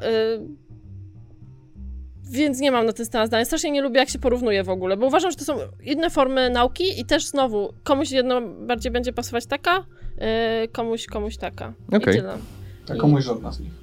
Komuś żadna, nie i woli sam się przed. Ja powiem że zastanawiam się czasami, czy bym wolała właśnie tak się uczyć na takim bootcampie, e, czy w taki sposób, w jaki się uczyłam. Kiedyś myślałam, że sama, ale dotarło do mnie, że gdyby, wiecie, nie dużo materiałów w internecie, czy podglądanie innych i tak dalej, to mi się też nic nie nauczyła, więc to jest tak naprawdę e, też, też jakaś formuła uczenia się od kogoś. Mm, no, myślę, że to jest indywidualna kwestia i bym tutaj nikogo nie, nie, nie, nie, nie, przekreślała. Te, te bootcampy, no i to też znowu zależy, tak jak na studiach przecież, ej, kurczę, są przecież ludzie, którzy ściągają mnie, w ogóle jakimś cudem po prostu przechodzą przez te studia i nic po nich nie wiedzą. I ja też przyznaję, że na przykład nie, ja studiowałam inżynierię akustyczną i koniec końców, ja to tam miałam długą historię skomplikowaną z tymi studiami. Koniec końców zaliczyłam wszystkie przedmioty. Ani razu nie ściągałam, ale no wiecie, miałam same truje, właśnie to się. Yy, Boże, jak to się nie refaktoryzować? Boże, yy, jak się wraca na studia. Poprawki? Nie, że reaktywujesz się. O, o. refaktoryzujesz. Kurde, bo ja sobie jakiś refaktor robię, już tylko to mam w głowie. I no właśnie, bo jakby już to jest osobny temat, dlaczego to nie było dla mnie, ale potem koniec końców miałam takie, że okej, okay, została mi ta praca tylko do napisania, ale wiecie, miałam takie, że raz, że jej nie potrzebuję jakoś tak bardzo tego dyplomu, dwa, że miałam takie poczucie, że nawet jak będę miała ten tytuł, to że ja w ogóle, wiecie, tego nie czuję, że miałabym wrażenie, że to tak trochę tak naprawdę to, to, to, to nie mam tak tych kompetencji, jakich można by oczekiwać. Więc to tak naprawdę zależy, zależy od osoby, jednak to yy, i to też na przykład jak to weryfikować w ogóle też na rozmowach rekrutacyjnych, to jest osobny, trudny temat. Yy, myślę, że bardziej właśnie istotne jest to nie to, co ktoś wie, ale jakie też ma też te sposoby do tego, żeby się zaadaptować. Tu oczywiście doświadczenie może pomóc, no ale to, yy, to, to, to nie wszystko.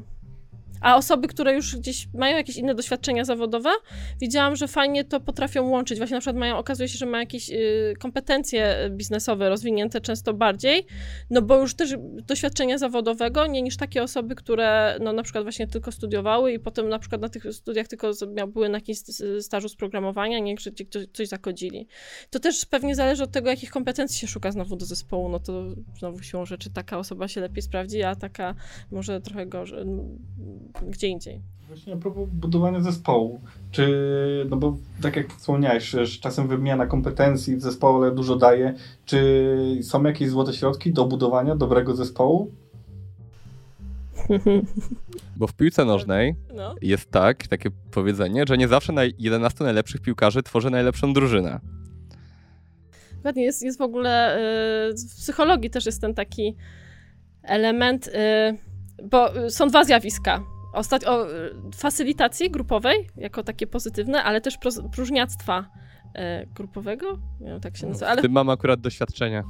i o co chodzi teraz? Właśnie jeżeli chodzi o sport, facylitacja, e, czyli to jeżeli e, inni nas obserwują, ma duże zalety wtedy, kiedy mamy coś zrobić e, szybko, nie właśnie pobiec szybciej czy coś takiego, wiem, wszyscy, którzy tam biegają, to jak pobiegniesz w zawodach, to zawsze wykręcisz lepszy czas niż jak tam sobie samemu po parku, no bo właśnie to nas motywuje, jak inni wtedy patrzą, żeby dać siebie więcej. Ale w momencie, kiedy my pracujemy bardziej głową, e, musimy właśnie znaleźć jakieś rozwiązanie nieszablonowe, trochę to jest inny rodzaj tak naprawdę e, pracy, no to wtedy okazuje się, że poja- może się pojawić ten etap, e, ten efekt próżniactwa społecznego, czyli właśnie się spotykają mądre osoby, no i każdy chce na swoją stronę, no bo teraz oczywiście trochę przerysowywuję, Wiadomo. e, nie, że to każdy chce być najmądrzejszy, no ale właśnie pojawiają się te takie dynamiki, które mogą tak naprawdę blokować. Jak byłam na... Mm, ZUPS-ie na szkole trenerskiej, właśnie mieliśmy jakieś takie podstawy psychologii społecznej i nam opowiadała ta babeczka o tym. I tak się zaczęłam sobie, okej, no ale to jak się mamy dogadać w zespole, nie? Na przykład właśnie ekspertów, gdzie też potrzebujemy nieraz różnych perspektyw biznesowych i tak dalej.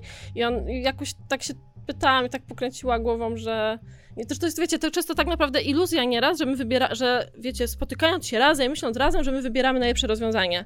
Często jest tak, że po prostu możemy tego nie widzieć, ale że właśnie ktoś ma większą siłę przebicia e, i też były, czekaj, to był chyba w NASA e, wypadek statku Columbia, nie wiem, to był chyba w 2000, 2000 którymś roku i tam była taka sytuacja, że jeden z inżynierów miał podejrzenia, że może dojść do tego wypadku, wy, wypadku. Tam po prostu coś wybuchło w silniku.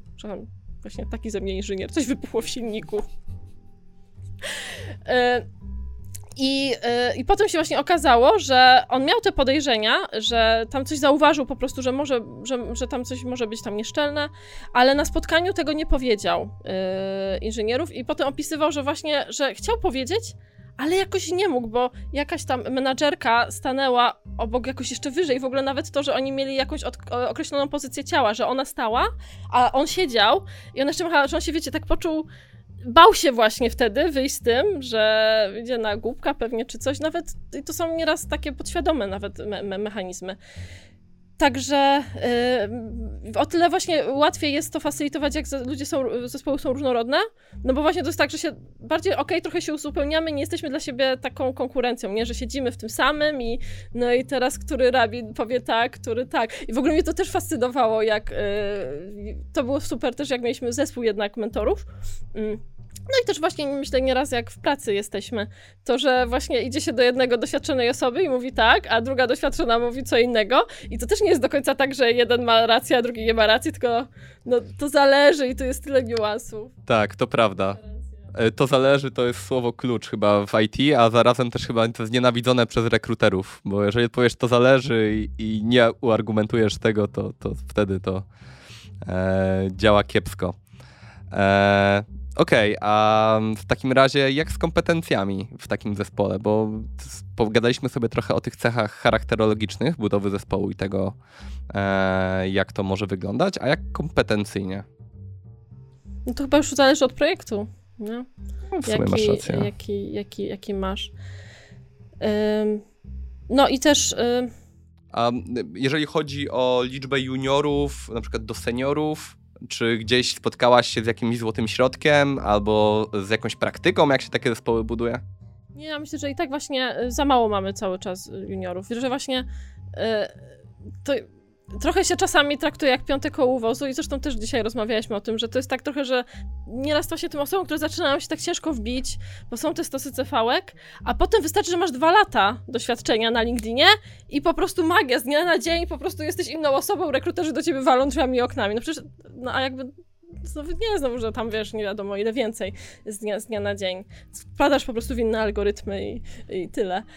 Yy, A jednak to jest, yy, no, dzisiejszy junior, no to w przyszłości potencjalnie senior, te, team lead, yy, ktoś jeszcze inny. Mm. I też myślę, że y, posiadanie juniorów w zespole łatwo też obnaża słabości projektu. No bo wiecie, jeżeli są ludzie doświadczeni, to sobie z tymi trudnymi jakimiś rzeczami lepiej radzą. A właśnie często jest tak, że okej, okay, a może one są trudne, bo są po prostu przekomplikowane, bo to rozwiązanie jest złe i mogłoby być prostsze, tak żeby się junior jednak łatwiej wdrożył i żeby się wtedy wszystkim tak naprawdę łatwiej pracowało i byśmy zaoszczędzili e, czas, pieniądze, energię. Mm, także mm, myślę, że trochę i sama widzę, tak jakby się bije w pierś tutaj, że to też jest trochę tak, że jak przychodzi się do projektu, e, no i też nieraz jest tak, że na tych seniorach, no, ja akurat tutaj no, okej, okay, bo to trzeba... Dobra. Y... Co ja chciałam powiedzieć? Jest strasznie mi gorąco, przepraszam. spoko, spoko. Magia Odlatuje tutaj. Będzie działała magia ekranu, nie bój się. Magia ekranu, tak. Wszystko wyjdzie, każda kropelka tak. potu. Y, nie spłynęła jeszcze żadna, nie bój się. Mhm. Myślę, że ważniejsze jest to, żeby sobie jednak wypracować pewne ramy i no i też poświęcić czas, nie? I zbudować ten jakiś onboarding, właśnie mieć ten czas na budowanie relacji. I w praktyce to jest bardzo trudne. Ja, jak widzę właśnie, jak, jeżeli się zajmujemy stricte edukacją, no to jednak właśnie mamy te symulowane warunki, mamy inne priorytety, mamy więcej po prostu czasu na to i na to poświęcamy swoją energię, a jak właśnie tak wspominałam, nie, tu jest jeszcze klient, tu się coś dzieje, trzeba szybko pewne rzeczy dowieść, yy, to, to jest to większe wyzwanie. Yy, no a potem właśnie wpływa na to, jak, yy, jak ci juniorzy się rozwijają. Tak, e, jak mogę tylko coś wtrącić, to jak mam te grupy mm, kursantów podczas bootcampów, to jedną z takich pierwszych rad, jakie im daję, to jest to, żeby poszli na piwo.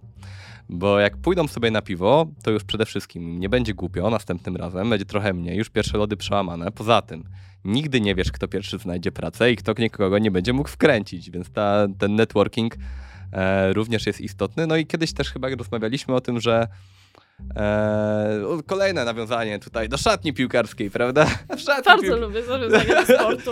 Kobiety uwielbiają nawiązania sportowe.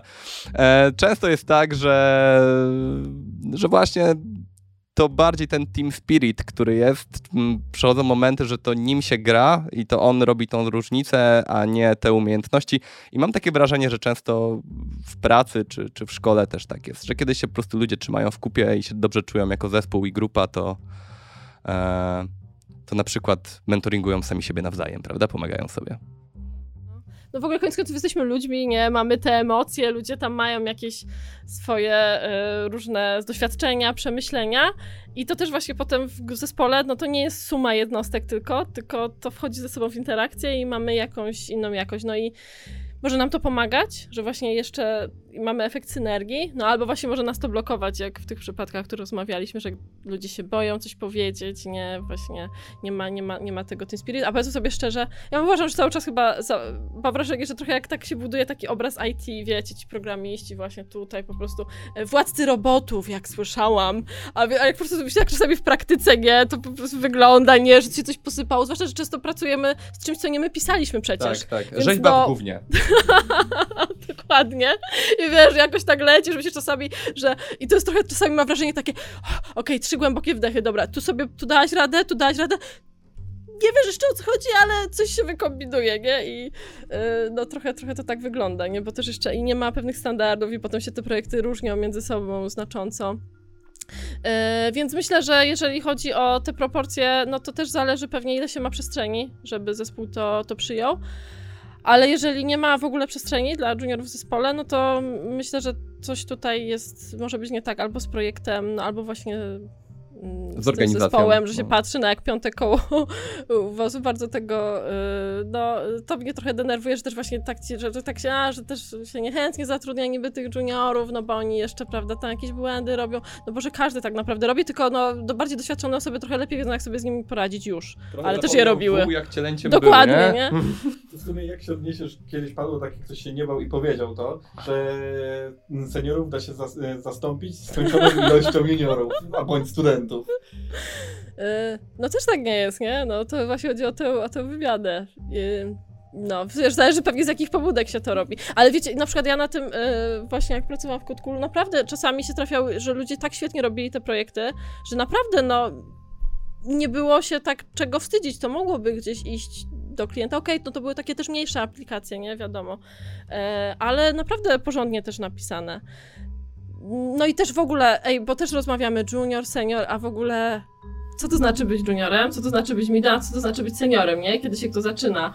E, to też jest takie dość płynne, nie? Czy na ile są ważniejsze znajomość technologii danej, na ile jakieś takie właśnie kompetencje soft skillowe, nie wiem, rozmowy z klientem, e, planowania odpowiedniego, estymowania, no jest tyle różnych, to jest, jest tyle różnych umiejętności i pewnie znowu, nie? Myślę, że to też może być tak, że ktoś może być seniorem w jednej rzeczy, a przyjdzie gdzieś indziej i będzie ledwo No tak, midem. tak. Chyba może, może to, co powiem, może być kontrowersyjne też, ale po prostu boimy się mówić o pieniądzach, więc to junior, senior, mid to jest po prostu gdzieś tam mm, przyklepane z tyłu, że to jest po prostu stawka, którą się zarabia. Czy zarabiasz więcej, czy mniej. A ja może wejdę w kontrę, bo przed chwilą o tym myślałem i ym, może gdyby chcieć to jakoś ubrać, to według mnie mm, taki mit to jest osoba, która po prostu wykonuje swoją pracę, jest w stanie ją ogarnąć zarówno koncepcyjnie, jak i po prostu fizycznie klepać ten kod i nie potrzebuje mm, jakby specjalnej pomocy, w tym jest samowystarczalna. E, Natomiast według mnie taki senior to jest właśnie osoba, która już mentoringuje innych, że posiada te kompetencje i tę wiedzę, że, która pozwala pomagać innym. Może gdzieś ja bym oscylował dookoła, dookoła takiego, e, takiego stwierdzenia. I wiecie, nieraz jest tak, że przecież y, jak się też już w czymś siedzi i się wie, no ale to jest oczywiście też umiejętność, żeby trochę wyjść z tych butów, że dla nas coś jest oczywiste, a dla osoby, która jeszcze z tym nie miała styczności, wcale takie nie musi być. E, I bo mamy te przecież te mechanizmy poznawcze, a właśnie może osoba mniej doświadczona czasami właśnie może e, tutaj bardziej, bardziej pomóc. Tak, moja mama kiedyś e, mnie zaskoczyła właśnie takim. Mm, moja mama jest nietechniczna. I zaskoczyła mnie, bo spytała mnie, żebym jej zobaczył, do której jest sklep rybny otwarty. Ja mówię, że przecież sklep rybny nie ma strony, gdzie ja mam to zobaczyć. A ona zobacz na Google Street View. I ja bym tego na to nie wpadł, że na Street View można sobie na drzwi nakierować, a to jest jednak to świeże spojrzenie na jakiś problem. Mhm, no dokładnie, słuszna, słuszna uwaga. Okej, ale my tu pitu pitu o pracy, a życie się zaczyna. Ale wiem, o czym jeszcze nie porozmawialiśmy. Bo ty mi zadałeś pytanie. E, nie, bo ty mi zadałeś pytanie, jak mentor się może uczyć i się Tak. przygotować do roli mentora. I sorry, zrobiłam dygresję i do tego nie wróciliśmy. To może jeszcze o tym pogadamy. No, śmiało. Czy chcecie? Jak najbardziej. To wrzucę jeszcze. Jak się Nie, może mentor przygotować? No, mhm. Wiecie, bo ja trochę no, mówię jednak przez pryzmat swojego doświadczenia siłą rzeczy, które wiem, że nie było specyficzne, bo zaczęłam od końca, jakby nie patrzeć, czyli e, najpierw e, byłam w sumie, zarządzałam w jakiś sposób, bo w edukacji, potem uczyłam programowania, a potem sama zaczęłam stricte programować jako deweloper, więc wszystko, wszystko na opak, e, ale właśnie jak uczyłam, no, no mi bardzo pomogła ta praca z dziećmi, bo właśnie to, co mówiłam, że na dzieciach bardziej widać, jak, e, więc pewnie, nie wiem, może nawet właśnie podobno niektórym to pomaga też właśnie potem takie rozwijanie soft skill, jeżeli zostają rodzicami nawet, nie? I właśnie z dzieckiem trzeba się tam dogadać i też je zmotywować odpowiednio. I, to, I to może pomóc. E, Więc polecam pracę z dziećmi. Mm. Zawsze wszystkim bardzo, bardzo też właśnie otwiera oczy i tak y, te kreatywne pomysły, różne i ta zmiana perspektywy. Y, dwa to... y, Hmm. No i myślę, że podobnie jak z programowaniem. W ogóle ja uważam, że między relacjami a programowaniem jest bardzo dużo analogii i to się niewiele różni w praktyce. Rozwiniesz ale to? to jest. Rozwiniesz tę myśl? Em, No wiesz, bo jakby nie patrzeć, program też tworzą ludzie potem, nie? I, I jaka to jest w ogóle, dla mnie to było najbardziej taka psychologiczna praca, łamigłówka, że y, wiesz, że patrzysz w jakiś kod i myślisz właśnie, co za gówno, nie? Ale myślisz sobie, ale dobra, okej, czy dlaczego ktoś podjął takie decyzje, a nie inne? Jakby, jaka jest historia? No bo czasem wychodzi, że się zmieniły po drodze wymagania, nie? Trochę takiego śledczego się musisz bawić. E, nie, właśnie wydobycie od biznesu tych wymagań, czego my tak naprawdę potrzebujemy. E, plus właśnie, no w zespole, no to też kto się może, czym efektywniej może zająć w danym, w danym momencie, bo ma takie umiejętności, kwalifikacje i tak dalej. Więc to jest w zasadzie głównie praca, myślę, siedzenie w czyjejś głowie, to jeszcze wiesz, chodzisz takie czyjeś tam głębokie rozkminy po prostu logiczne, e, no to jest niezła, e, niezła zabawa, nie? I może okej, ja tego nie widzę, ale może tutaj jest jakiś sens i się bałeś takiego śledczego, albo potem okej, ale może to jednak możemy uprościć. I ja czasami mam wrażenie, że to trochę no tak trochę zabrzmi dziwnie, ale że nawet jak już widzisz po kimś kod, kogo już nie ma w projekcie, no to trochę gdzieś tam wchodzisz w jego głowę i trochę z nim rozmawiasz, bo próbujesz bo jakby te decyzje w projekcie no, są istotne dla, dla, samego, dla samego kodu, nie? I to w jakim kontekście to jest osadzone e, w ogóle, jeżeli chodzi o, o wymagania. E, Okej, a jak przyszły mentor może się przygotować do mentoringu? Znowu dygresja była, tak. Jak przyszły mentor może się przygotować do mentoringu? Mm. Myślę, że to też właśnie przez praktykę, jak w programowaniu, nie? I to też nawet ostatnio z kimś rozmawiałam i tak się pytałam, czy chcę być mentorem, czy nie, jakoś mówi, że aż tak się nie widzi.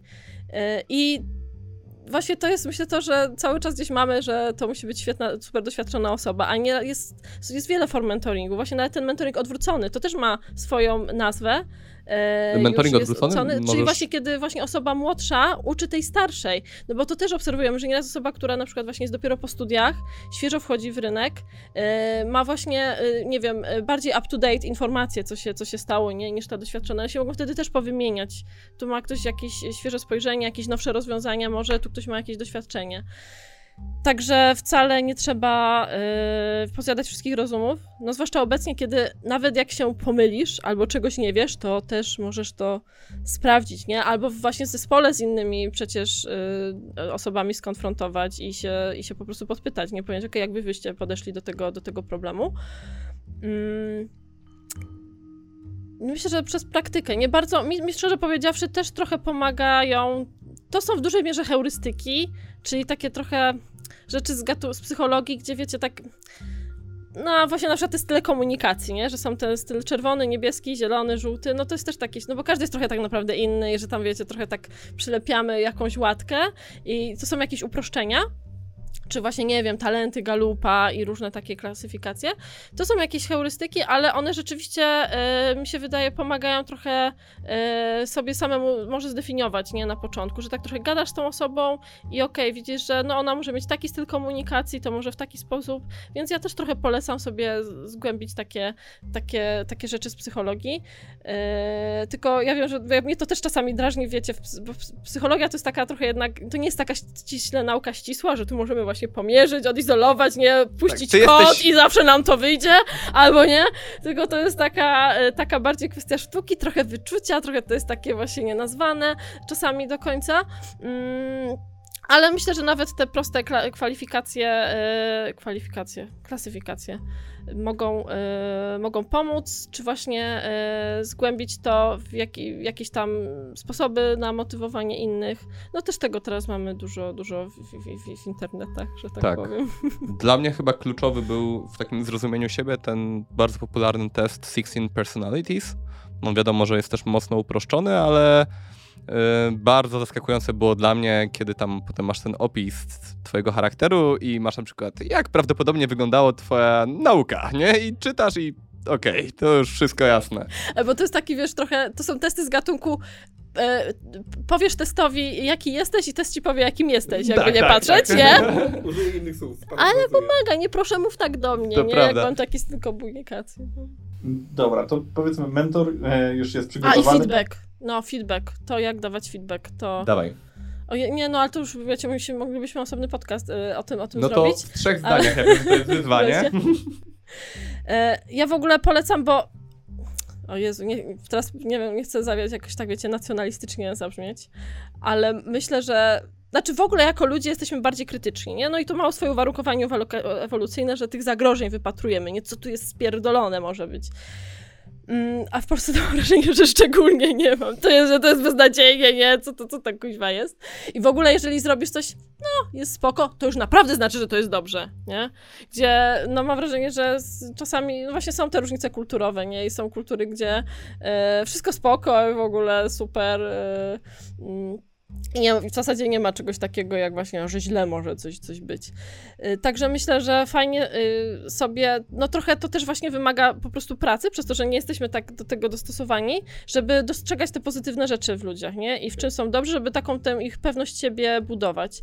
I też polecam, zwłaszcza na początku, kiedy jeszcze kogoś nie znamy, to jednak budować relację właśnie opartą na tym takim pozytywnym feedbacku i dostrzeganiu dobrych stron. Myślę, że to jest takie trochę dwukierunkowe, no bo z jednej strony, jeżeli ja trochę, wiecie, staram się dostrzec, co, co, w czym ktoś jest dobry, Eee, I te właśnie pozytywy, no to ja się też lepiej nastawiam tak naprawdę na tę osobę, niż jak wiecie, szukam, co mógłby tu poprawić.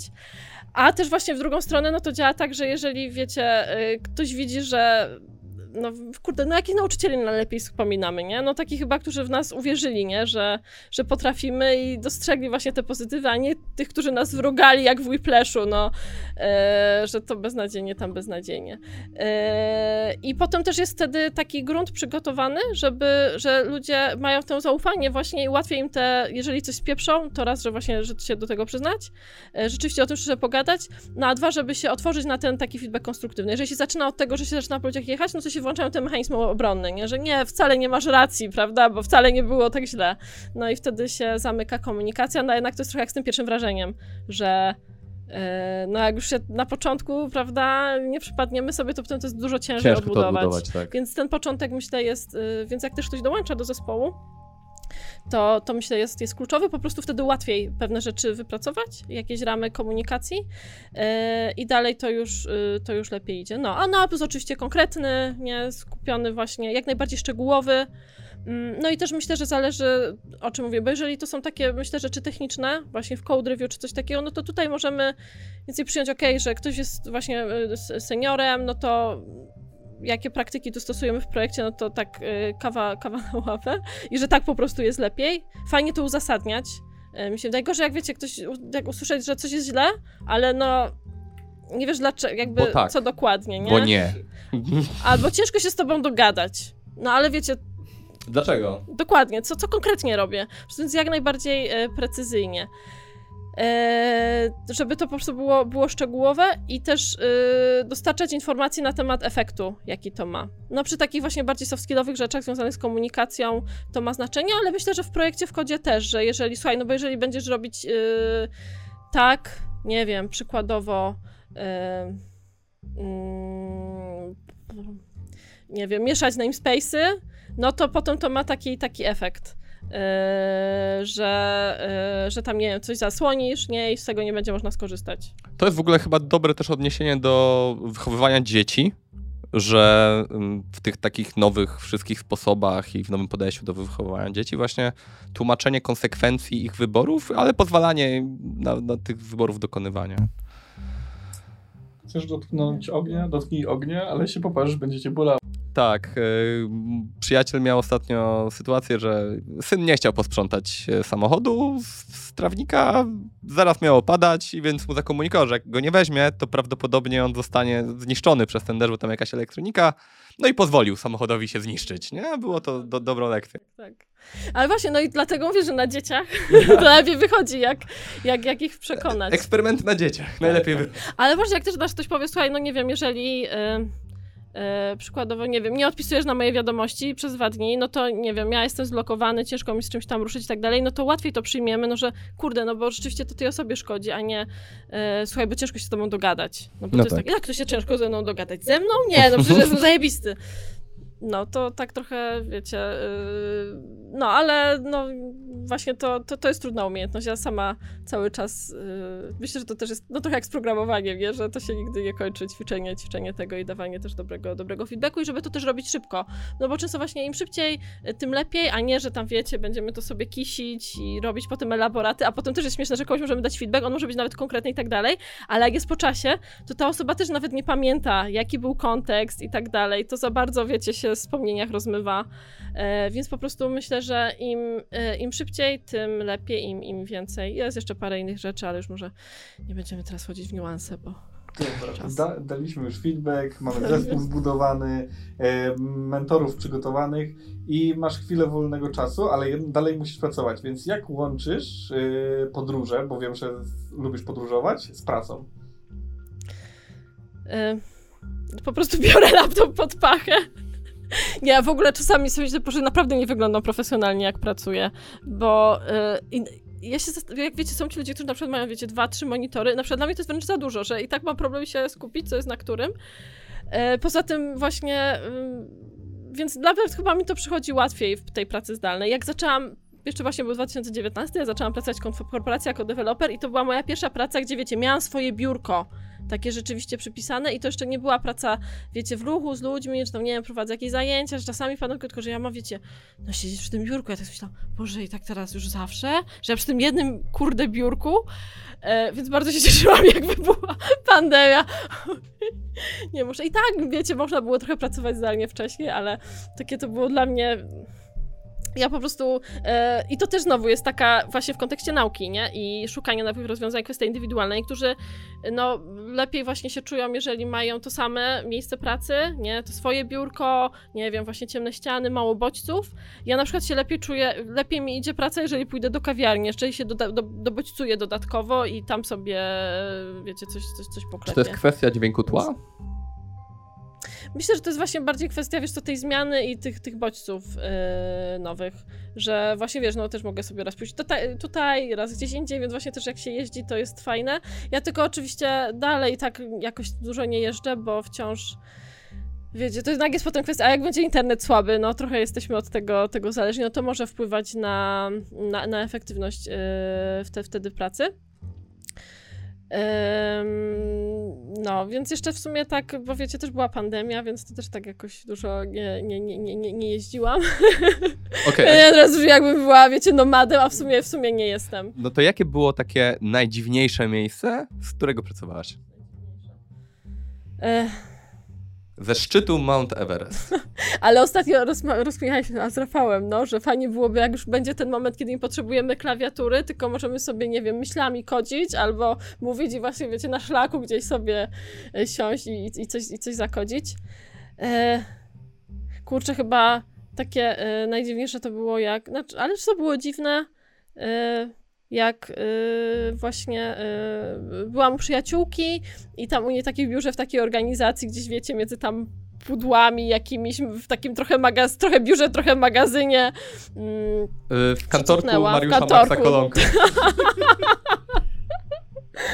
e, no, nie, muszę, muszę, muszę nad tym. E, na łonie przyrody, kurczę, ja lubię być na łonie przyrody, tylko kurczę, mało widzisz na tym, na tym ekranie jednak. To jest, no i, no i właśnie potem jest, y, y, to jest, y, no to jest problem, czy ten, no jednak trzeba mieć ten prąd. Mm, Ale czy myślę, że i tak teraz możliwości są oczywiście dużo, dużo większe i bardzo mnie to cieszy, że nie trzeba być przykutym do jednego miejsca, bo też widzę, że no i nieraz jest przecież tak, że lepiej sobie pójść na spacer, przemyśleć, bo my tak naprawdę wtedy też nasza głowa pracuje nad jakimś rozwiązaniem. E, popatrzymy z innej perspektywy, jak się uczymy podobnie. Przychodzimy, już samo się układa, nie? A wcześniej to po prostu już przejęliśmy laptop za okno wyrzucić, bo po prostu na czymś utknęliśmy. Właśnie mówisz, że mm, nawet jak robisz coś innego od programowania, to i tak głowa myśli o rozwiązaniu. Jak odcinasz się od pracy? To jest trudne. Szczerze powiedziawszy, nie, nie wychodzi mi to jakoś super. Przyznaję. No, myślę, że no, bycie na łonie przyrody to jednak e, najbardziej. Mm, Czyli właśnie pójście w góry. No. W ogóle ruch fizyczny na łonie przyrody to fajnie czyści, czyści głowę. I okej, czasami na początku, jak, jadę, jak, pojechałam na urlop, nie, no to jeszcze tam przez dzień, dwa ta głowa jest trochę w pracy, no ale z czasem właśnie się, się uspokaja i to już takie się staje A nie masz problemu w drugą stronę? Czyli jak wracasz z urlopu, ale głowa jest jeszcze na urlopie. Yy, nie, bo właśnie dążę do tego, żeby się bardzo odcinać na urlopie, wiesz, i nawet jak teraz byłam, to trochę miałam lekki stres, bo coś tam, wiecie, na czym pracowałam, nie zostało zmerdżowane przed moim urlopem, już tam się tak zdenerwowałam, bo chciałam właśnie, żeby było zakończone. Yy, I wiecie, tak się stresowałam, okej, czy jak wrócę, to czy się okaże, że coś tam wybuchło, czy nie, albo nie mam ani maila w telefonie, ani slacka, nic, żeby mnie nawet właśnie nie korciło. Bo wiecie, bo to czasem może być, a, że nie chcą, że tak jakoś z automatu się wejdzie, nawet się nie pomyśli. I, i myślę, ja polecam wszystkim, okej, nie chcę mówić, że każdy może, no jakoś czuję, że ma, jeszcze, się świat, jeszcze wiecie, świat się nie zawalił przez to, że od trzech lat nie mam slaka na telefonie, więc jakoś chyba się da. Polecam. Okej, to kontynuując jeszcze serii tą sekcję off-topową. E, To bardzo było wtopowo. Jak utrzymujesz balans między pracą a życiem? Nie utrzymuję. Off top, checked. skoro nie mówimy o pracy, tylko tutaj rozrywce, czy grasz w jakieś gry programistyczne? E, programistyczne? Yy, nie, chyba nie, ale w szachy, nie wiem, czy to się liczy, ale nie umiem jakoś super, w sensie nie, nie jestem tutaj. Złapałam, wiecie, jak chyba dużo ludzi, jak był, czekajcie, jak się nazywa, Gambit Królowej. Tak, tak renesans szachów. spodobało, jak ona, wiecie, te takie fajne szachy drewniane. No ale teraz rzeczywiście są fajne aplikacje też do nauki gry w szachy, żeby tam sobie porozkminiać te algorytmy i się nauczyć jakichś tych otwarć i tak dalej. Ale to nie jest dobre, uważam. W sensie właśnie, czy tak samo gry programistyczne. Jakby widzę, że lepiej, lepiej jest dla mnie, jeżeli, okej, ja lubię te szachy, nie? I to właśnie też mnie niestety wciąga, ale lepiej, y, lepiej działam, jeżeli pójdę na przykład na spacer, właśnie się postaram oderwać, bo inne struktury mózgu pracują, nie? Czy też w ogóle jakieś rzeczy manualne porobić. No a jednak, no, szachy myślę, to też jest takie troszeczkę rozkminianie i gdzieś podobne te, y, s- te, te, te obszary ciągle pracują i nie mają kiedy wtedy tak odpocząć i się zregenerować.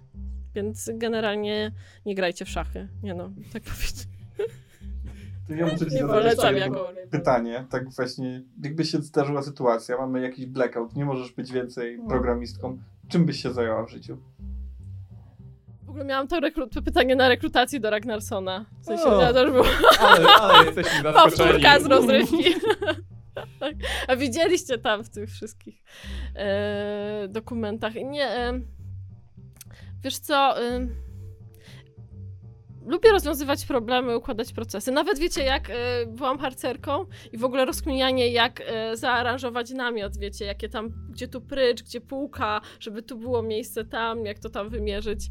E, fajne, fajne to było też. Ale jakbym w ogóle tak był taki blackout i miałabym taką możliwość, no to bym sobie poszła na jakąś taką długą pierwszą wędrówkę najpierw. A potem by się, by się zobaczyło, więc tak najpierw raczej.